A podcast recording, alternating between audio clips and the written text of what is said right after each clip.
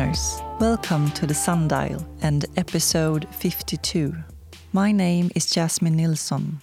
In my podcast, The Sundial, I meet people from all walks of life. Everyone's life story illustrates various themes. This podcast will usually be in Swedish, but this time I'll make an exception. My main partners are global leader in home and long-term care medical products Invacare. Today you'll meet José Botera. José was 19 years old when she survived the unthinkable, the genocide against the Tutsi in Rwanda. In 100 days, about 1 million people were slaughtered. It took José 25 years before she was able to tell the world her story. She healed her soul by studying, getting herself an IT's master degree at the Royal Institute of Technology in Sweden, to where she moved. This is José's story.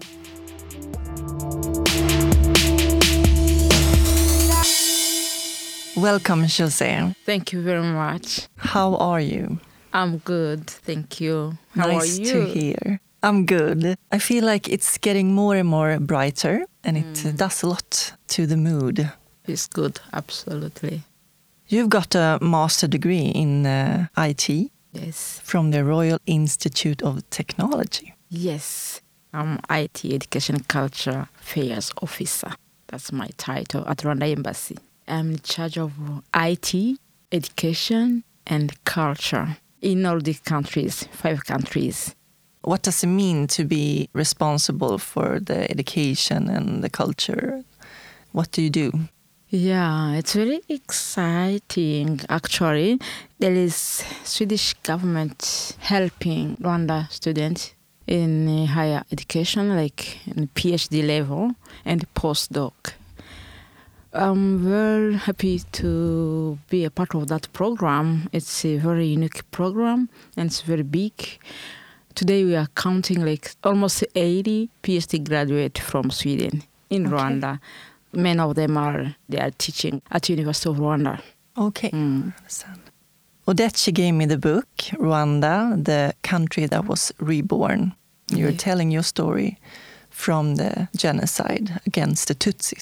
It's an interesting story also how you got to be engaged in this uh, book. Yes, it's a very interesting story, and uh, I'm very happy we did something like this, which uh, I was dreaming about, but I didn't know when it will come in reality. It started like 2017. Bjorn was about to do business in Rwanda. He's doing uh, IT education. He has a company which is developing software for education. And he somehow come up with the idea to extend the company in Africa. Then he come up to choose Rwanda as a country which is very developing nowadays in IT, in digital things like that. And then he approached embassy and uh, asked for information about IT information, how he can do that business. And that's how I get in contact with him. And uh, at that time, I wasn't working at embassy in full time. I had an IT consulting company. I used to take investors from Sweden to Rwanda or to East Africa to do like market research, like uh, yeah, and that business in IT. Yeah, then uh, ambassador introduced me to him, and we went to Kigali in November 2017, Yes. and stuff like that. I have a quote from Christine from the book, Mm. Which is Every time I listen to a survivor, I have this strong feeling that I have to take action, that we must not remain silent about it, that we should give the survivors a voice and a space to tell their stories so that no one can say, I never heard about it. Do you feel that it is too silent, that uh, we should talk more about it? Yes, it is. Yeah, we should talk more about it, especially for as survivors genocide against Tutsi survivors in Rwanda. Why? Number one, because in Rwanda we don't have that culture of talking to or showing our emotions, or we survived a terrifying tragedy. I, I can't find a name. it's hard to say, to speak out and to come out as survivors. I know many, including me. I came up after 25 years Yes. and uh, I decided to read the books of all survivors, which means there are not many in 25 Really? years. Really? Very so few. few. Uh, Very few. She was right. We are not talking about it. how Mm. come you decided to uh, do it after 25 years? That was, first of all, when uh, I moved to Sweden, I started reading a lot, following the news, any kind of news, history, uh, all history, to be informed more than I was before, I would say. Then sometimes I look at internet and find something about my country which is not correct, especially the genocide against Tutsi stories, then uh, which are completely not true. I said, "What? I'm not gonna sit here and just be mad, angry, or saying no, this is not true. I have been there. I was, I have seen this and that." Yes. And uh, another thing, my kids were a little bit grow up. They could understand a little bit. Myself, I cannot explain what happened clearly. Yeah, I can't come out before I explain to my kids what happened to me. I understand. And uh, 25 years was a combination of many things. I used to write my story on side, thinking I'll write a book sometime. You were born the 27th of December 1975 Yes, in Rwanda. yes. In, uh, I can't really pronounce it, Gahananga? Gahananga? Gahanga. Gahanga, Yes. Mm-hmm. in the south of Kigali. Yes. What do you know about the day of your birth? Yeah. It was number six. It was a beautiful day. Two days after Christmas, and what I heard on the Christmas day, they thought my mother get a baby, and everyone was running the house because in Rwanda at that time we had radio, and uh, during the Christmas day, the radio is on 24 hours, not 24 hours, but up to midnight, 24th midnight the radio they just put music and the baby cry. Then they said the baby jesus is born now. Everyone Yeah. is shouting the house. And at that day mama was of course she was tired. I can't imagine. Yeah, yeah she was because i was really big and uh, when i was born i was almost like a five kilo i Oh, think really? they told me yes Oh, that's big. yeah, it was a, heavy pregnancy. Then Mm. uh, on 25th, two days before, the baby Jesus cried on the radio and they ran. Mama, oh, where is the baby? No, she said, no, go away. I'm tired. No baby yet. ah, that was the radio. Everybody Yeah. was hoping. Yeah, I was hoping. Yeah. I was born uh, in Kigali. It's the big hospital now. And um, my name, Jose, it was a nurse who helped mom to get me. Oh, Yeah, because I was big and the mom was tired. it's okay, it's private story, but I, I can tell you. It's interesting. I have no problem. I can is, say it. And then mom was very tired. She she was calling, of course, Jose, Jose, Jose. The nurse was Belgian. Mm. She was from Belgium. Yeah. Okay. And uh, her name was Jose. That's Really? and she said, "Oh, you saved my life." And um, I'm gonna name my baby Jose because It's a beautiful name. Yeah, Mm. Thank you. And uh, you are French speaking as well. Yes, we have the one language in Rwanda, Kinyarwanda, Kinyarwanda actually. Mm. Nowadays, you can speak English and French. At my time, French was the main one before the Mm. genocide, and after the genocide, they combined both. Okay. Mm. And um, your uh, family, they are Catholics. So you Yes. were born into a Catholic family. Yes. How was your childhood? My childhood was beautiful. I enjoy saying that. Uh, it was a beautiful childhood in the village. We had no electricity. We had no clean water in the house. We used to go to fetch water. Then in, inside the house were many kids, almost 10, 12 sometimes. All the time we had like cousins and um, in the house full of people, full of kids, all the age. Mm. Yeah. And we had like, uh, we call it domestic animals, I Mm. think. Many, many types of uh, domestic animals, but we had uh, many, many, many cows. A lot of neighbors, we know each other. It was very beautiful. We had like one school, we had Okay. one church. We met all the time and we knew each other Yeah. very well. That sounds uh, like uh, yeah a wonderful place to grow up in. A safe place. Yes, near the river. I forgot Mm. to tell you. It was near the river, and uh, uh, we had a valley.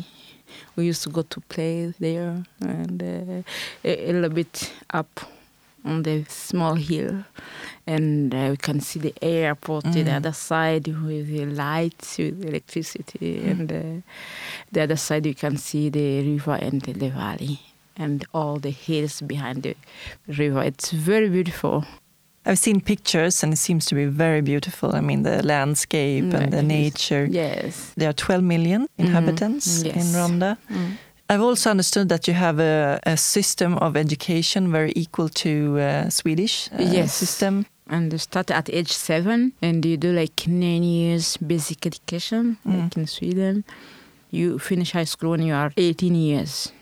And when you were 15, I read that you were studying at a well-known boarding school. Yes. How was it to go to boarding school? Yeah, that was nightmare. I would say that was the beginning of my darkness days. That was the day my life has been changed. In what way? in bad way, of course, Mm. because I left my house where I was born and with the parents, with people around me, Mm. protected, happy. yeah. That happiness, I said. And uh, once I finished my primary school, I got a chance. Actually, it was a chance. Not everyone got a chance to go to high school, and the government high school. It was in 1990 Mm. when uh, many political parties started working in Rwanda and start fighting for equal and shared education. And uh, I got a chance, and uh, I got to go to high school, government high school, which was good for my father because uh, it was not very expensive like uh, private schools for my other siblings. Then uh, you have to sleep there. You have um, big room. It was like a conference room with 20 girls and uh, Yeah. beds and uh, our staff under the bed. The war started October, one month after. Then I enjoyed one month actually meeting new people, girls from all over the country, trying to know each other and a new environment, teachers, and uh, Mm. I was there doing biology and chemistry, and we started going to the labs. They showed us in future, in a few years, you'll be able to do good stuff. But suddenly the war started. Mm. Then uh, it was very terrifying time. It was very uh, chaos everywhere. The people started hating Tutsi, saying Mm. that RPF, Rwanda Front Patriotic, came to. At that time, they said invented the country by Tutsis Ugandans, not saying that Rwandan come for fighting for their right, for their country. They said there is a tribal Tutsi, those from students, not from uh, teachers or just try to understand what happened. It was very difficult. Far from home, I've never had that terrifying moment.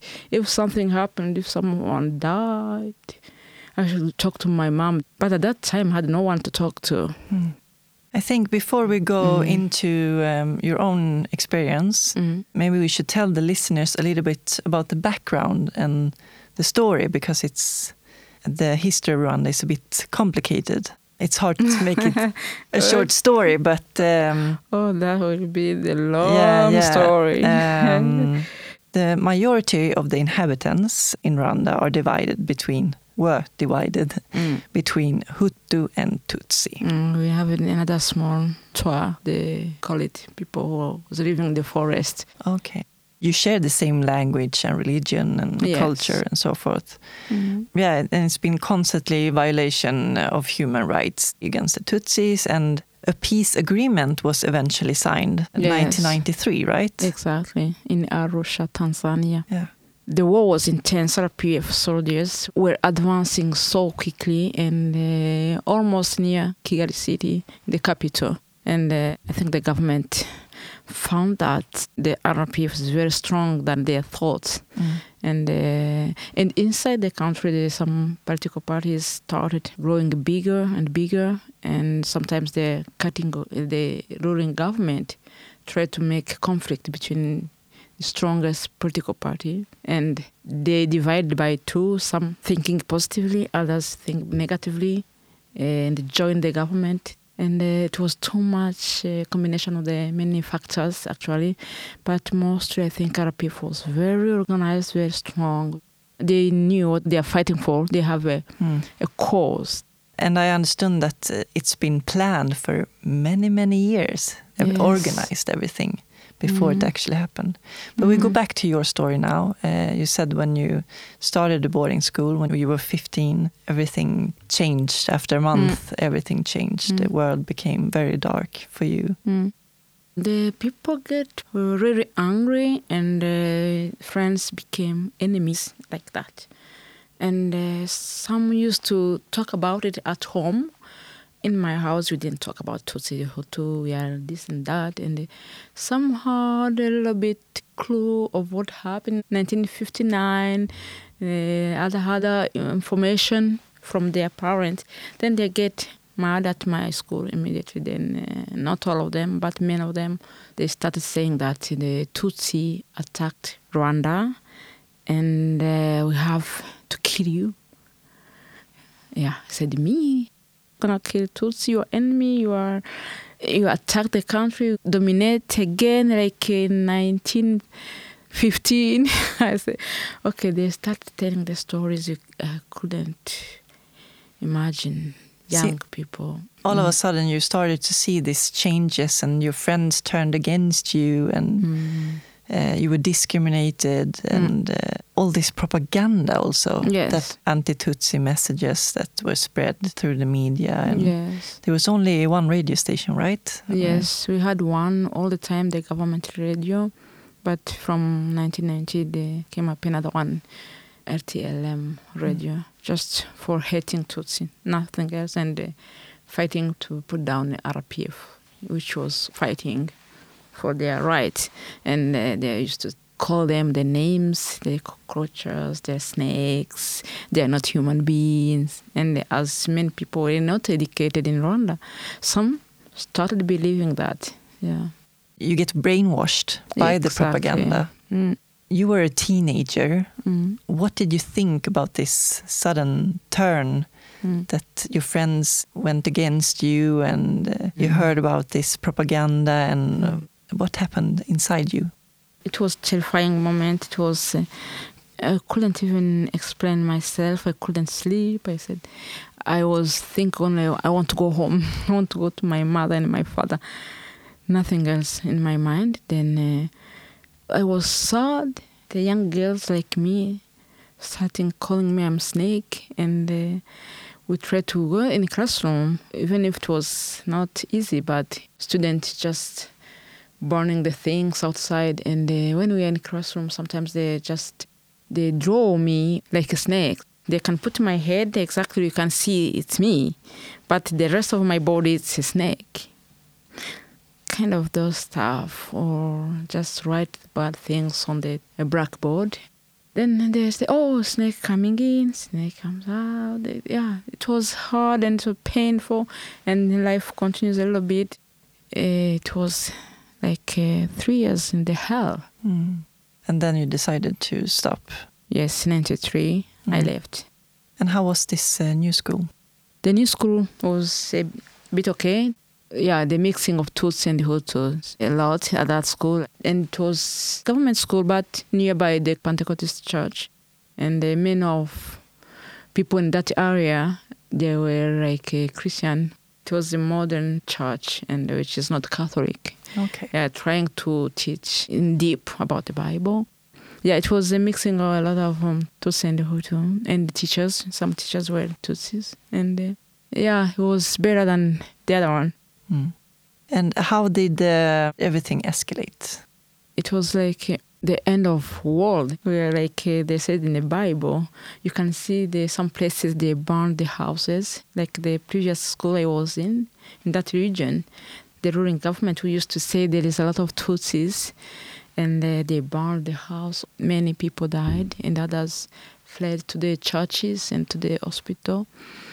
And you can see many people injured and you can see everyone is scared and uh, it was chaos. It was uh, too much negative things going on, and we don't know when it will stop. We don't know what will happen.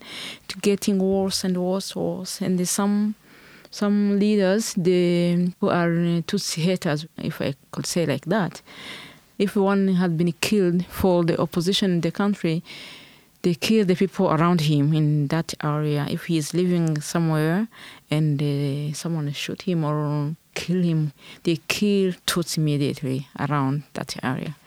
You don't know what will happen tomorrow or next month or next week. Yeah, it was a very terrifying period. Mm. Mm-hmm. What did your parents say about the situation? They're always fighting for the good of the kids. But it was hard for them, really hard. And uh, they have been through all those kind of wars many years ago. Mm. I would say they had the experience of surviving. Like my father, uh, actually, the, during the genocide, one day before he died, he just explained uh, what happened before.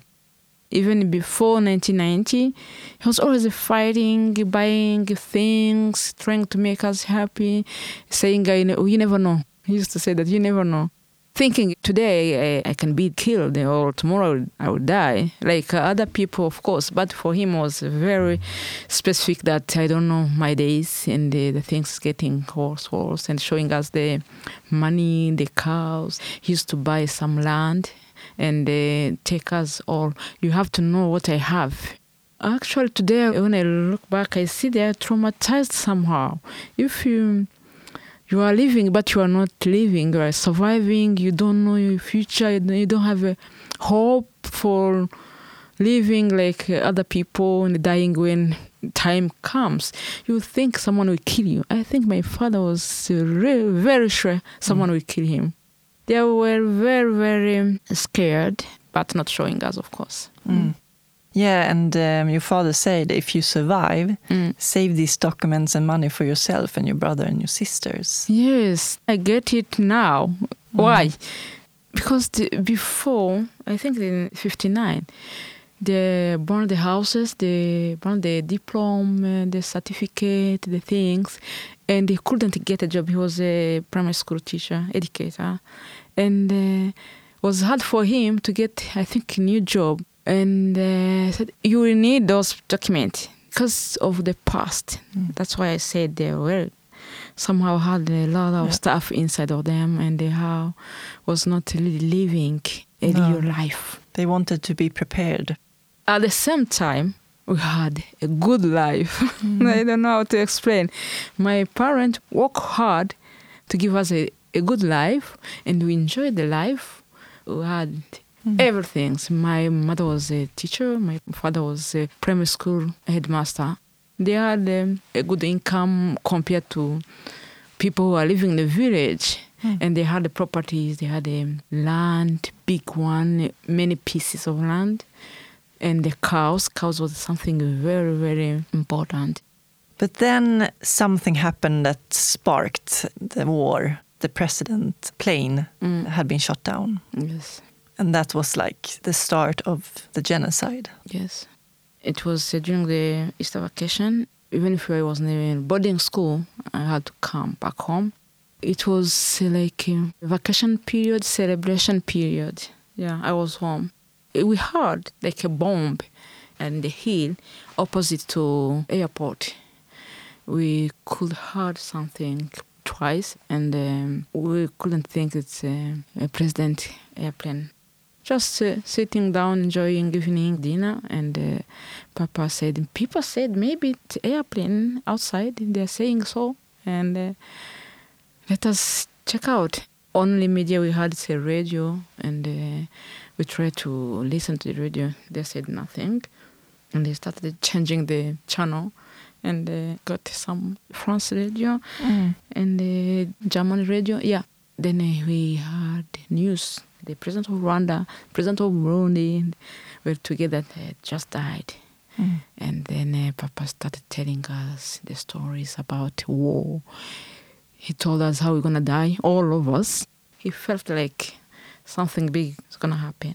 But we had the hope, of course, like uh, the peace agreement was something we believed in.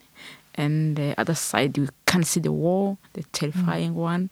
Everyone would die because they are singing around, saying that we're gonna kill you. We're gonna, yeah. Some youth who to, who had hate inside of them. They're just training them, young people, how they will kill Tutsi, and we were there seeing them. And the other side, we had Arusha agreement. Yeah, it was kind of confusion and uh, Mm. hope, and uh, I can't explain even today. No, I understand. Yeah. Did uh, your father finally got the news about what had happened with the plane and the president and everything that was going to happen? Or Yes, he got the news, and it was late evening, like uh, almost 10. I was with my sister, by the way, the young sister, the last born, and they were very young. I was 19, she was 16. And uh, he told us the stories of 59, 62, all the wars, how the village he was born in, what happened, what happened to his dad, what happened to his brothers, and they telling stories of my that side. Mama couldn't say anything. She was only praying, and uh, we passed the, the night talking. Later, we go, we went to sleep. Yeah, and uh, that was the last night at home, by the way. Mm. So, what happened after that night? Yes, that was the beginning of the hell in Rwanda. We started listening to the guns, grenades, bombs, even, and uh, people running around, and uh, people coming to my house in the morning. Actually, some old people who couldn't get any kind of information they had from others. They didn't even have a radio. Papa always looking for around the, and information. He could speak French, and they tried to, to listen to the other other radio. It was like uh, the day couldn't finish. People going around, others running, saying that we have been outside on the road, main road. We met military car. And they chased us away, saying that get out from the street, go home, go home, just shouting, trying to terrifying people, and the others saying, "Uh huh, Tutsi killed our president." We were going somewhere because people woke up and going to the job, to the normal life, without knowing anything, and they met other people. Said, "Ah, I heard the president died. Tutsi killed him." And we're gonna kill you. And some cousins went back home running to our house saying that we met those and those. Papa asked them, Who told you this and that? They started telling us the names, names we know, people we know in the church, the teachers, my father's colleagues. And he couldn't believe, but of course he knew, but he said, So quick like that? In a few hours, they're telling those, gonna kill all of you. Be prepared. Yeah, it was painful. Then you decided to escape. You went to church when everything escalated. Yes, Hutu started killing some people. What I understood is that many Hutus they had hidden weapons in the houses Mm, to be were- prepared they for, the, for the ready. day. They were very ready and to do anything. And they have some lists in some area. But for like my village, we knew each other. They didn't need a list of who is who. And um, they started killing some. And they, those who are injured run to the church, of course, because previous wars they used to run to the church. Because you believe uh, it's a safe place, of course. Exactly. And uh, we were living nearby the church. And of course, they come to pass by our house and they said, Okay, what happened? Said, This one said they killed my brother, for example. They killed this one, my neighbor, died. And we couldn't believe and we couldn't think, we couldn't breathe. And we ran with them to the church. The whole Mm, family. The whole family. the old man who was taking care of our cows near the river there's a valley where you have to put the cow if you have many cows you put the some there and uh, he came like normal morning with the milk and uh, to get a rest sometimes and they almost killed him not completely saying that God tell my father your boss we are coming for him that's why we left the house running like a crazy. We took a few things and we ran, and everybody was. Uh, we had some people home just around, came for listening radio, and we ran immediately. For your life? Yes. Yeah. Mm. How uh, far was it to the church? No, no, it was like uh, between us and the church, we were just a football, football mm. ground, mm. and uh, kind of uh, 600 meters. Mm. it was very near. Mm. Just to understand the extent of the killing, I read that uh, they killed six persons every minute. One million uh, hundred days. Mm. And you went to the church, mm. and of course, it was a lot of people there. yes. Mm, they started coming, mm, they, even the next day, and the next day, like that. Yeah, some were injured others crying, others lost their siblings, their parents, mm. just crying. I was with the, my mother. I don't know. She fell down. I ran, and someone crying, "Come with me. I know where she is. Let's go back there." And some people try to go back to pick other or old people. They have been killed in the middle of the road, and uh, others escape because it was uh, was not yet ready to kill everybody but it was uh, now I would say it was strategic things to allow us to go to the same place, and uh, they can be able to kill us exactly. together. Mm. Exactly, because mm. then they knew that you were yeah like, that uh, place. Yeah, mm. they even came the day before they killed us, like uh, controlling how many we are. Mm. People were very angry. You could read their faces. They said the father of nation. The president was called that. The father of nation died. What do you think will happen to you? No. I understood also that um, somehow you were able to be organized. Some distributed the food. Yes. Another looked mm. after the wounded. And exactly. It was in, we had the same problem. It's like in a refugee camp even today. If you may, you meet somewhere mm. together and you try to help each other. Mm. And, mm we have to talk about the United Nations as well. I mean, uh, mm. the armored cars with the, the United Nations flag mm. was going around, mm. but they weren't allowed to interfere in the war because they, they, had been told that this is a civil war between two groups. Mm. So we are not allowed to interfere. I mean, yes. When it comes to United Nations, I don't know what to say. Mm. I have read a lot about it and I get angry. I, I don't know. They knew. They knew mm. everything mm. and they did nothing. No. Mm.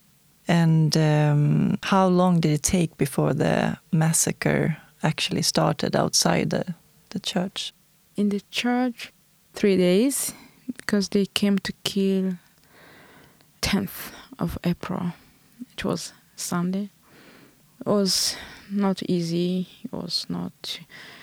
Our parents tried to figure out what to do. Mm. They couldn't come with any plan. No. Of course, I was with my father asking what to do. I was scared. And other people said, let us go to Burundi because we were on the road going to Burundi. There's a river, the Nyabarongo River between us. Then others say, let us go to RPF headquarters in town in Kigali.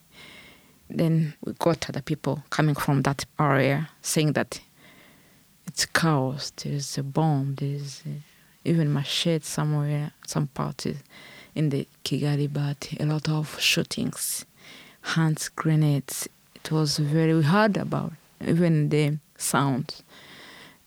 And uh, we said, okay, where to go now? North, south, nothing on the left, nowhere to go actually. We planned a lot. Our parents tried to figure out the certain the meetings, what to do. Yeah. Until they came. Mm. As they are planning, they couldn't find anywhere, and uh, we have seen it. There's nowhere to go. We have to stay here. You were surrounded. Yeah, we're gonna die together, or miracle will happen. Mm.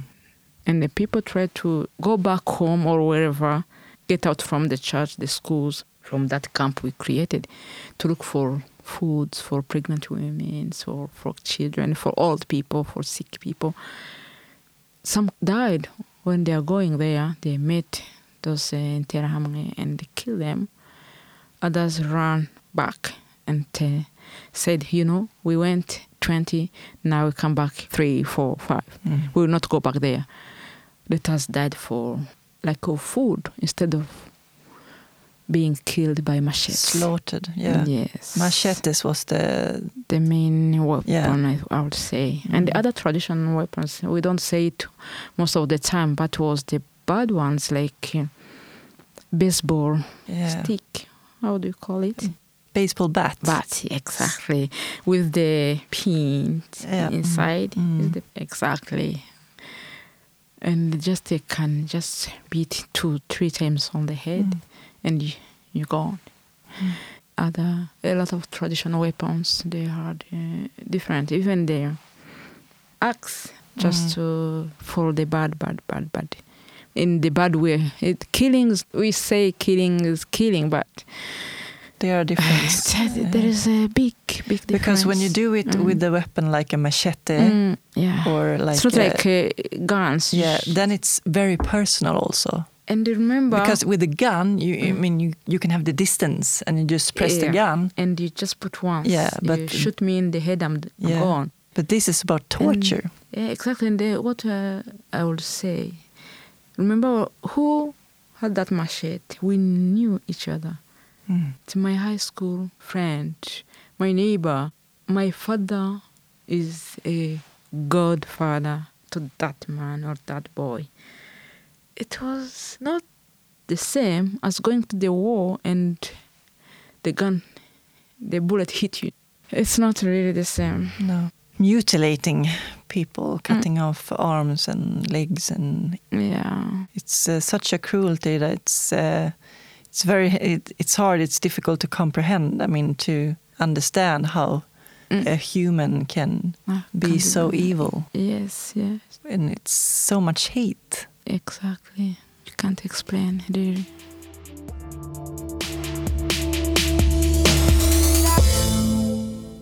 Now we're taking a short break in order for me to tell you a little bit about my main partner Invacare.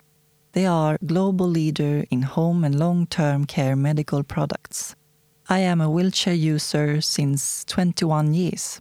I've been using the Küschall wheelchair for more than a decade and I'm very pleased with the design and the high quality materials. I'm also using the e-motion wheels from Alber. Since I have limited arm strength, the wheels makes me even more independent. The electric motors that are integrated in the wheel hubs means that I have to put less effort to travel greater distances or slopes. And to combine the Küschall wheelchair with the e-motion wheels is the best combination for me. And for me, the design is very important because the wheelchair is a part of me. It is an accessory, and I want it to reflect my personality. Please visit their webpage invacare.se or invacare.com.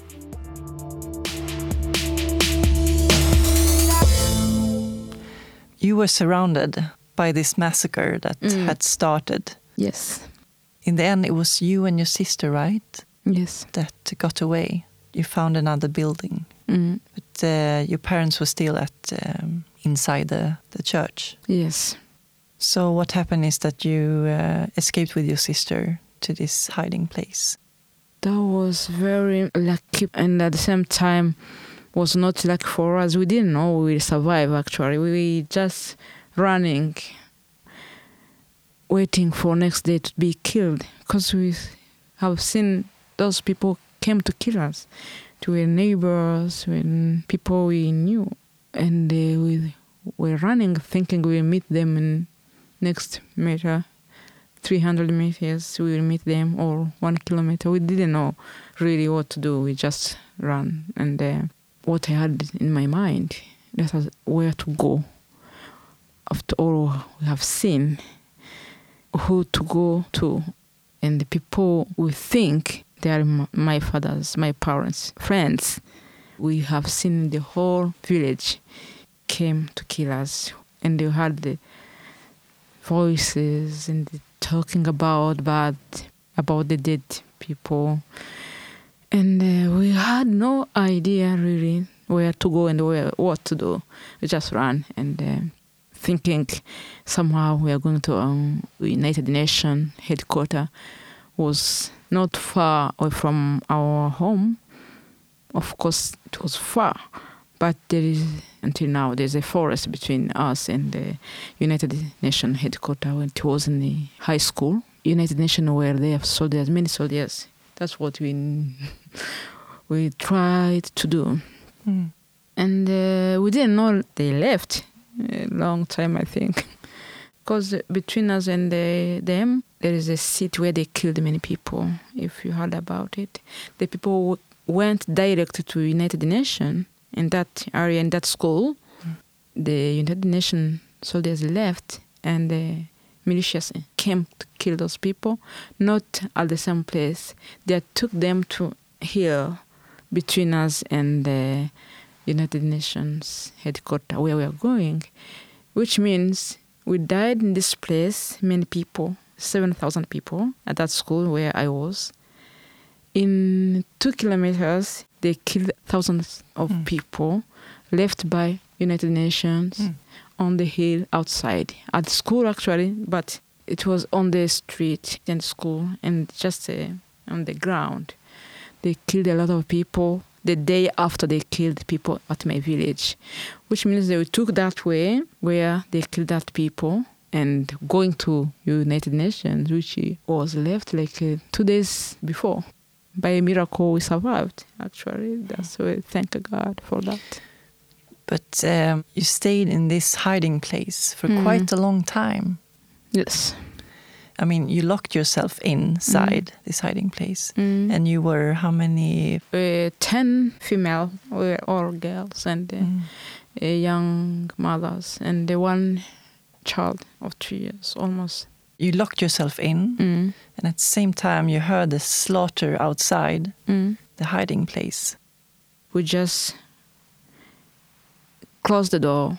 It was a metallic door outside, and rock like from inside, and just lay down a small, small stock behind that door. It was a door, metallic door, in the like a sitting room where the students used to do preparing food to go to cook outside. And uh, and before I said that we were in the kitchen just cooking water, just had water, nothing else left, and uh, to try to cook warm water for those who were very very in need. And when they came to kill us, we ran just from the kitchen to that store, and we closed the door like that, and we went inside and they lay down and just kept quiet. And they came they killed everybody the whole day because it was in the morning like um, seven o'clock in the morning. You know in africa just the sunrise six even five. And uh, seven o'clock up to seven evening when the sun set and we were just pressed down and uh, they came to check what is inside and they tried to open it to come to kill us we said okay it's done it's finished they tried the door, they put the, the thing, they tried all the machetes they had to open the door, but they couldn't open it. it there were was, too yeah. many bodies uh, right outside, also Exactly. piled up. But yeah, and uh, they were even tired coming to the tank, water tank in front of our door.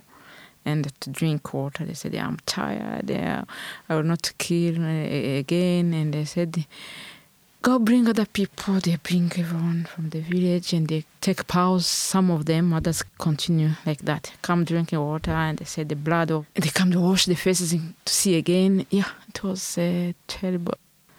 I was with my friends down, thinking nothing, couldn't talk, couldn't breathe at all. And the baby, what we did, the baby started crying. We Just we, all of us put our hands on her mouth. So they wouldn't hear you. Yeah. At the same time, mm, they got tired because they've been. Using machetes and Yes. hands and uh, And then you heard them say that we leave it for now, but we we're going to come back later, right? Mm. Yes, because when it's sunset, they couldn't see anything because dark. It was a Catholic church and the school, classrooms, normal school, government school, and uh, behind the church there is that school. Then the big place enough to accommodate seven thousand people. Yeah, it was uh, sunset. They couldn't see. They started burning some houses, some places, big rooms, saying that we can't go inside. How? They're just waiting for the petrol. They start burning around. That was uh, terrifying. And they sat down, chatting, waiting the the people to run, maybe to catch them alive. Mm. It was an indescribable moment. It was. Uh, Mm. If I try to remember, it was end of the world. I read Mm. in the book that you felt guilt for the people that wanted to come into the hiding place, like there was someone yeah, exactly, screaming. Exactly. When the killers left, of course we were down, no injured, nothing, Mm. only paralyzed and traumatized, confused. Had all people screaming and dying, and the children keeps crying, calling parents' names and then siblings' names, neighbors' names, and um, because they they can kill you and they fall down on the top of your baby, and when they left, the baby started crying uh, because they didn't kill them, and they started coming. All those injured people come to the tank, of course, to look for water to drink or the kitchen to see if there's anything to eat or whatever. You know, when you lost a lot of blood, you just need water. They came and we stood up and tried to talk to them to open the door, first of all, and we couldn't open it. As they forced the door to open it by machetes, they damaged the door instead. And they tried to turn on the key. It couldn't open. That was like, uh, to God, today we said, okay, God protect us somehow. If we open it, they come back to kill us. Then we failed to open it and we, we stayed inside. Mm. And uh, that's what I said. I felt guilty. The people outside, we talked to them. There's some small, like, uh, holes on the top of the the house, and uh, to put uh, air in that store. Like we don't have a, an air condition. They put the holes in, in the wall just uh, to bring fresh air for the things in that store, the the food, the whatever. Then we talk them. They said, "Yeah, "Who are you? I'm this. Oh, Why? What are you doing there? Open the door. Open. I'm I'm about to die." Another saying, "Oh, I said, even my cousin, her name was Angelique, and she said, "Oh, Jose." Oh, I said, oh, "What are you doing?" I said, "We are here. We are safe. We couldn't open this door, and." Uh, try to help us open the door. We are coming to you. They tried to push the, but he had no arms. He doesn't have nothing, and they, some have the force. They tried to push, but it was a metallic door, and uh, they couldn't make it. And we, that moment was like, oh, we are inside, they are outside. We can't even help them, even if we can't help them. We're gonna stay here. How? And they said they will be back tomorrow. They're gonna come back to kill the other people. The children were crying. They knew some people not died completely, and they said we're gonna come back to pick properties. Some people came with the stuff with them, like bags, real stuff, but uh, from Tutsis. They started to pick some, and uh, they have the other people said, "No, don't take anything. We'll come back tomorrow." We'll take it. We are tired. Let us go. And we knew they will be back, of course. And we said what to do. We are 10 people, but we had no brain, we had no, nothing, no force at all. Even if we had no machete on or Mm. whatever, but we had no force to push that door. To remember what they did from outside. That's why the key will not work. We asked them outside, bring anything you can see one started saying we I'm dying. Another one saying this, and then I said that. Yeah, it was a painful moment. Actually, that's what I why I wrote in the book. Mm. I felt guilty. I couldn't help them. Then what happened to them in the morning? They came, they killed them in front of us. They said the what is here. There is RPF soldiers here. We have to this door. I don't. We don't know why this door can't be open. And those people said no, we don't know, and we were there. Maybe they could say there's some people inside. Yeah, they said we don't know. You killed everybody. You killed us. We, we are here. What we can do? I have no arm. There's a mom, old woman who tried to speak out. They just just kill her immediately. Say, what have you done? You will go to hell. What have you done? You will go to hell. Others saying forgiveness. They said they killed everybody. Then I said maybe if you could get out, maybe you could think other things to do. And we told them go to the United Nations go to the forest, get out from here. They said Mm. they come the morning, and they, everyone we talked had serious injury. I also read that the victims uh, were singing. Yes, the Wild, gospel songs. The you know in the Catholic Church we had something called when they killed Jesus. We had a period of uh, before Easter. We call it in French carême. I don't know in English how do you call it. Um, yeah, it's a period when uh, the Jesus was betrayed, and the, we are in the church uh, all the time, singing the soul songs for Jesus. Yeah, those are songs we were singing before they killed us. I say us because killed everybody. Yeah, it was like um, singing, repenting for going to heaven as we believe in, and uh, saying that Jesus has been betrayed, has been tortured, let us help us. Yeah. I mean, you you must have been shocked, of course, Mm. From everything that you saw and that was going on outside this uh, hiding place. And Mm. and your sister, she stopped talking, Mm. but at the same time, somehow you you got the strength to be some kind of leader, right, for the group. Yes. You were the one trying to be organized, trying to find a way how to get out. And where do you think you got the strength to actually try to find a plan to escape? From my high school, my experience I had at that boarding school, I told you, there were days they used to throw water on our beds and they couldn't sleep. And some days they said they will, they will come to kill us. We had to escape somehow to sleep outside instead of. And uh, all strategies I learned from that period of, of high school. I think was uh, the strength I had more than other I was with. Like my young sister never had that experience. She she was living with my parents all the time. She was always protected, never been in that danger like me. And the other ladies, I think it was that experience. They were just uh, not have been the hell before. Everything was new for them, but for me was I have seen dead bodies. I have uh, heard those hits. I have, uh, and somehow my father told me a lot of stuff. If you don't die, if you don't die, I see you are strong. Uh, take care of your mom and your sister. Somehow he trained me a little bit before even we left the house. Training they use uh, to give youth, young people. You know, like Scout. Mm. There is a group in the schools called the Red Cross Group Movement of young people. They train us for help, for first aid. Yeah, you can uh, see if someone is breathing. You can. Uh, I said, okay, I don't want to die here.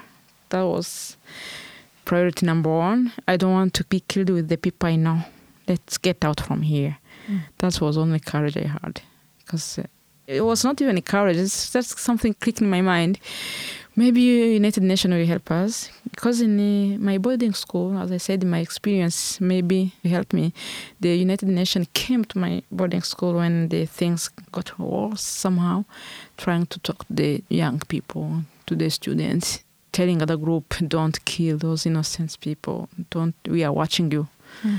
That's how they couldn't kill us immediately. Mm. Then I had a little bit hope in the United Nations, and I saw them on, all the time on the street with the heavy, heavy weapons and thinking maybe they are few, they couldn't stop what's going on. They can't be everywhere at the same time.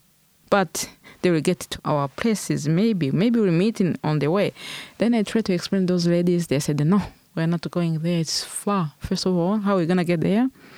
Secondly, it's how they're trying to imagine how many houses of Hutus will pass by it is impossible. One said, I'm going back home. I will hide into the kitchen or the, to the toilet. I will hide in the forest near my house and I will go back home. I will pick the food. I will eat. I will cook sometimes. They had a crazy plan and they couldn't agree what to do. And the biggest challenge was when we get out from this house, how are we going to walk from on the top of their bodies. And they said, okay, let us stay here. And another said, no. By the way, they said we will come back tomorrow to the gasoline to burn our that specific room because they said this room is not. Uh, there's something special, and uh, we knew they will come back. That's why mm. I had the force to destroy another another door and get out from that mm. hell. Yeah, at the end, I agreed with the two siblings and the, me, my, my young sister, with another girl. We were like, um, we took the same road to the United Nations, and two other siblings with the baby actually decided to go back home to just feed the baby. Baby was about to die because we left there three days, mm. plus three days before the without killings. eating or drinking without anything. Eating, no water, no food, it was nothing. starving. Yeah, and the baby was still alive, but. Yeah from our eyes, she was dead, but mm. still breathing. That's why she couldn't even cry.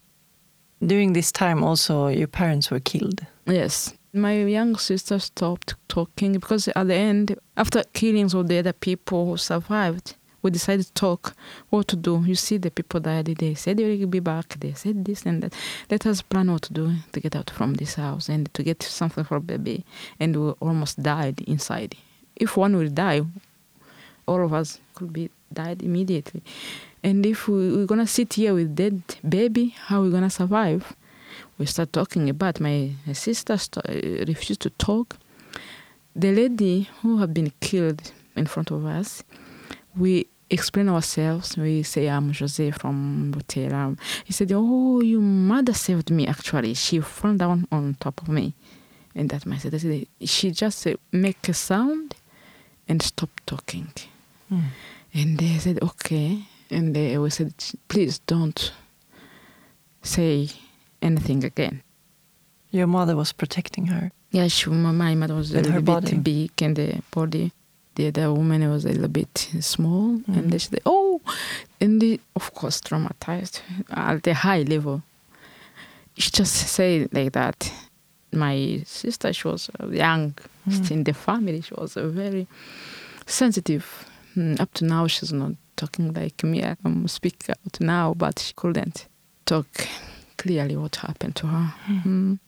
We knew my mother died mm. exactly from that mm. lady. Of course, the, the house they, they were in, they just killed everybody. Yeah, yeah praying. There was a, they are praying, and the the people came to drink. The killers came to drink the water in front of us. They talk they said maybe we killed 70%, maybe we killed 80%. Okay, 10% left. Let us do our job. Things like that. And we had a lot of information. Another bad fact the, the school we were in, there's no way to get out. The building on the arranged on the way, you have one entrance. You can't when you're inside, you can't get out from there because it was boarding mm. school for teenagers. They made sure they just it's protected. And we knew if where to go, they all them were inside. And the big cinema room, they were old people and the pregnant women, uh, uh, women with babies, and we put all our mattress there. We gave them mattress just so they can sleep well. Mm. It was a big, a big, big, big conference room. Then they burned it because they can't go in and kill everyone with machetes. They said it. We are running out of the time. Let us burn that big conference room. Then we knew 100% died. No one escaped. Mm. Mm. But then you managed to open the door somehow. Mm. The, no, not the same door. We had a, another small door, not going outside, going the corridor Mm. to the student dormitory. That door we knew because the the one the killers entering in up to, back to our door. There was a lot of body, dead body. We, they couldn't even mind to come in to open it, and uh, the people come crying and died, and uh, they couldn't tell. There's a, a small No. a small door. It was a wood door, but closed completely. No key. Outside dead body. Inside there's no key, and we even think to open it. But remember, those people are there. If we try to remember the way to get out, Mm. it's full of people. One of my friends said, "Let us use this door." Everybody said, "Are you crazy? How? Even if it's not easy to open it, what do you think? How?" Mm. We had killers said, "There's no way to go inside. We're gonna burn it, and everybody died." We think, "Let's go." We had them, mm. and the, that store was connected to the dormitory. Yeah, we decided to just to open it with the things were inside Mm. during the night. Then we left like um, three o'clock in the morning. I think we couldn't burn the things during the the day. They can hear and uh, come. We tried to do it night, slowly by slowly, and Mm. after three days we left. We managed it, and we passed by those bodies and uh, top, and it took like uh, twenty meters, like two hours. We shouted all of us, "It's in morning! They are coming back! Can you run?" And Mm. we try to close our eyes. We get out, eyes closed, Mm. some of us, and uh, try to open. Uh, that was um, the painful moment of our journey. It was the raining season actually. Then we, you know, when you get out from inside the house, we were dry completely, and then uh, looking for something to drink. And some people died in that tank. There's some guys jumped in, said, they, "I'm gonna suicide. Don't kill me with the machete." And we knew that it actually was the father of that baby we were with. He came just to see the baby and the mom in the kitchen when it started, and they just he met them immediately and he ran on the top of the tank, water tank, and they, they said that that stupid man killed himself. Okay, you saved our energy. We knew he's inside of that tank, and we said, Mm. "Well, that's." Uh, we will not take this. Okay, even if we don't had no time, Mm. because uh, we, we just want to run out from the place. Yeah. And then we start raining, and we start to just drink water we found on the street, on this bush, and uh, And on the way, your sister fell down in a hole and broke her leg. Yeah. Mm, yes, it because it was uh, dark, and uh, when the morning came, just we have to sit down and they hide ourselves in the bushes, and uh, they couldn't see us.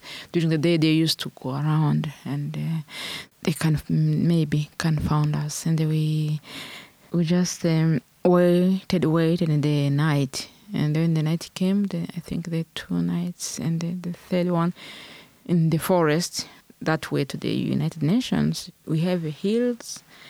You can fall down, down, and uh, there's some holes. We couldn't see her. It was dark, and uh, we tried to sit down and waiting, waiting. We call her name, and uh, for the miracle, she said, uh, "I have a pain on my leg. I don't know what to do." And we tried to pull her, and we waited the morning. Said, "Okay, even if they find us, of course they'll find us somehow." Mm. we have to take you from there. In the morning, it was raining too much, and the, the killers couldn't get out to meet us, and we tried to pull her, and uh, we managed to take her from that. But it was like, it was hard, it was hard, and they said, We will not leave you here, we will not go, we will sit here until when? And they say, Okay. And my friends I said, Okay, can you go maybe?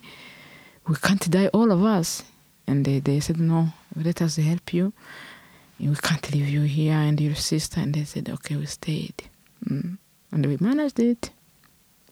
Mm. How does it feel to talk about it like this? Painful. Mm.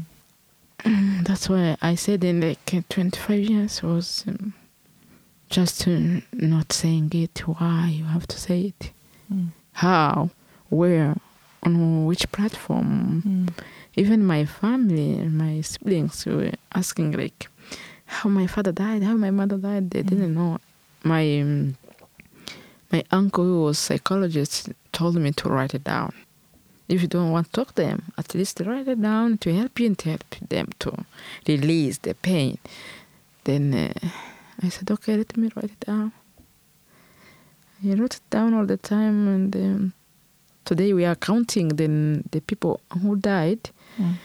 All my writings is helping now to see if I remember the schoolmate and uh, my siblings, God's father or mother's father. Mm. I have those names still in my writings. Many of my survivors' friends, they forgot their cousins' names Mm. today. They used to call me and saying, "Do you remember this and that?" I said, "Okay, I have it in my writings," and give it to them.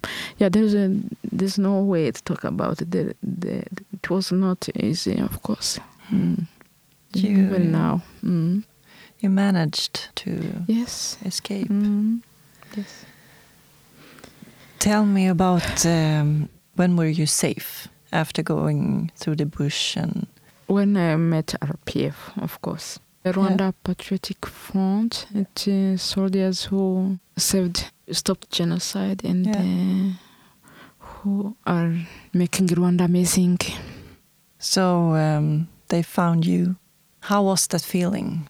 It was a miracle, of course. I couldn't believe uh, what I knew about them. I knew they have plastic boots. I just touched their boots and I knew.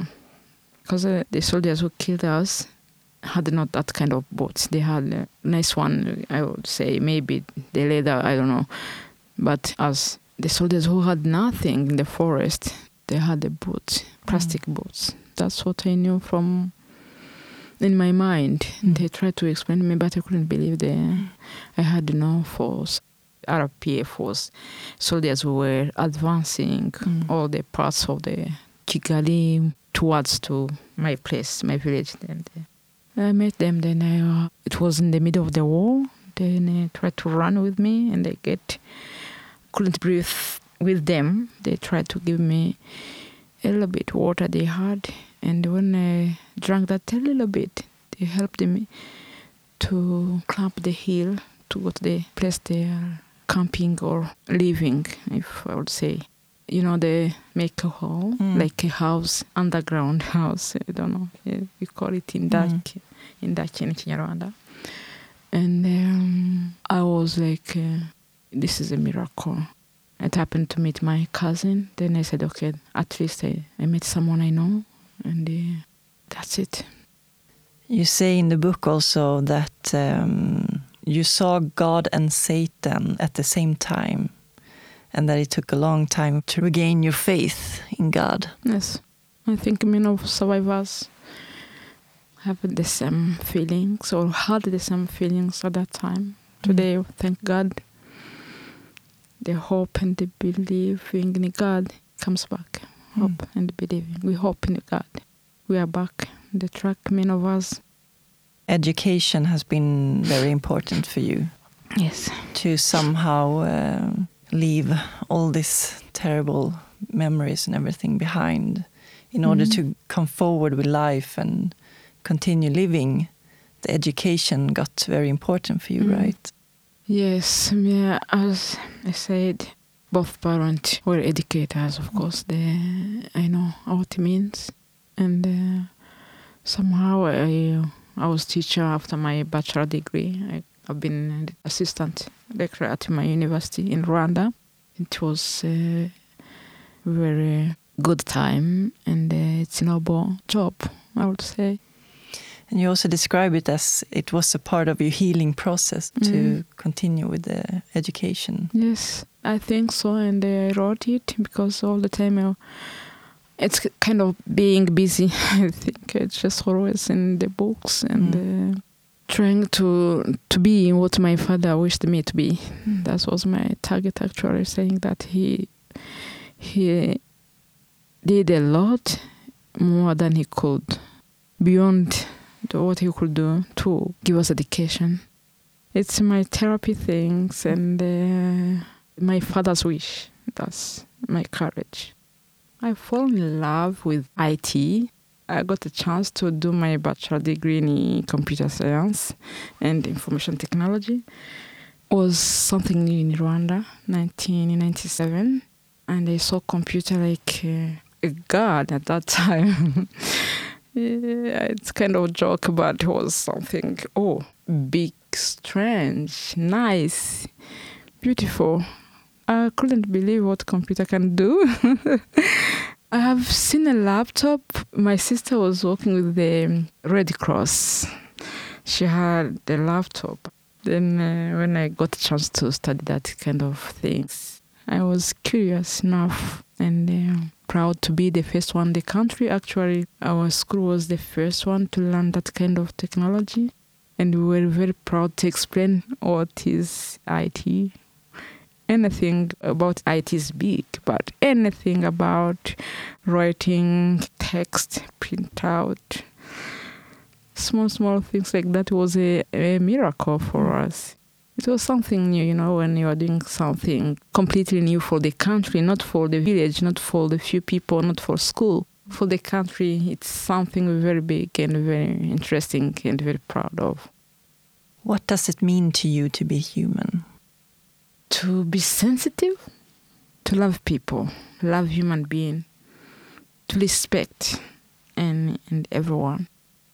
If you go back to the term, I think I know that term, something bigger than we think, and uh, something you have to treasure, precious things. Among the all the creatures, human is amazing. Mm. Do good, be kind. Do you believe in a life after this? Yes, absolutely, yes. It's hard to explain, but as Christian, I'm still studying about it, but I believe in it. When do you feel free?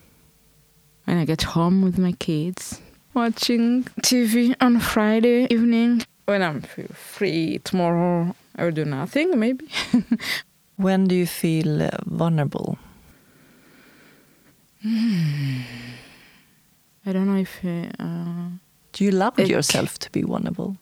No, I hate it. I'm soldier, as I said. After genocide, I don't know if you can be vulnerable. Oh, you are tough. You are. Mm. You survive everything. So you can't be like uh, vulnerable. I don't like it, and uh, when I feel it, I don't allow it. No. I don't even think about it. What do you dream about? Oh my God. I dream about peace to the world. I know it's possible most now, what we see, but I dream peace on earth. And then I have some, uh, it's either this or that questions. Okay. The city or the countryside? Countryside. A book or a movie? A book. Meat or vegetables? Vegetables. Planning or spontaneity? Planning. See or hear? Mm, tricky. See. Listen or talking? Listen. Thank you very much, Jose, for sharing your life story. I feel very humble and thankful for that. I know it uh, takes a lot of courage to be able to talk about this Thank you very much, Yasmin. I'm glad to meet you and to know you. You're a good person. Your story changed me somehow. Give me courage and uh, hope, special courage. Thank you very much to give me this opportunity. As you may see, I'm still crying even if 25 years. It's nothing for me. As I said, I came up recently, April last year when I was launching this book. Thank you very much for be a part of my healing. Thank you very much. Should, um, should be proud of what you are doing. Thank you. I listen all your podcasts and uh, I get courage. Uh, some stories up there, mm. untold stories, but you are there. You are as a voice and uh, as a healer. You are a good doctor doctor of the heart, not surgery. Healing without. Now I'm gonna Me. start crying. Oh, doing well. Thank you very much, Jasmine. And you, uh, I love you so much. I love you Sure. too. I feel so thankful and humble that José is able to share her story to the world. After three months of killing, the FPR overthrew the regime, and today the FPR is the government of Rwanda. In December of 2018, a French investigation in the 1994 attempt on the president's life was closed due to lack of evidence. I would like to warmly recommend the book Rwanda, the Country That Was Reborn by Björn Sunderby. Björn tells the story of the work of reconciliation after the genocide, the young population, and the economical growth. The book is available at rwanda.com, and you may find the link in the description. I'm so grateful for Invacare being my main partners for many years. For more information about Invacare and their products, please visit their webpage invacare.se or invacare.com. When I was 15 years old, I broke my neck in a diving accident. It was in the summer of 1999, before college, and I had just entered the dance school. My dream was to become a professional dancer. If you would like to hear my life story, you can buy my book When Life Took a Dive on Amazon or visit my webpage jasminilsson.com.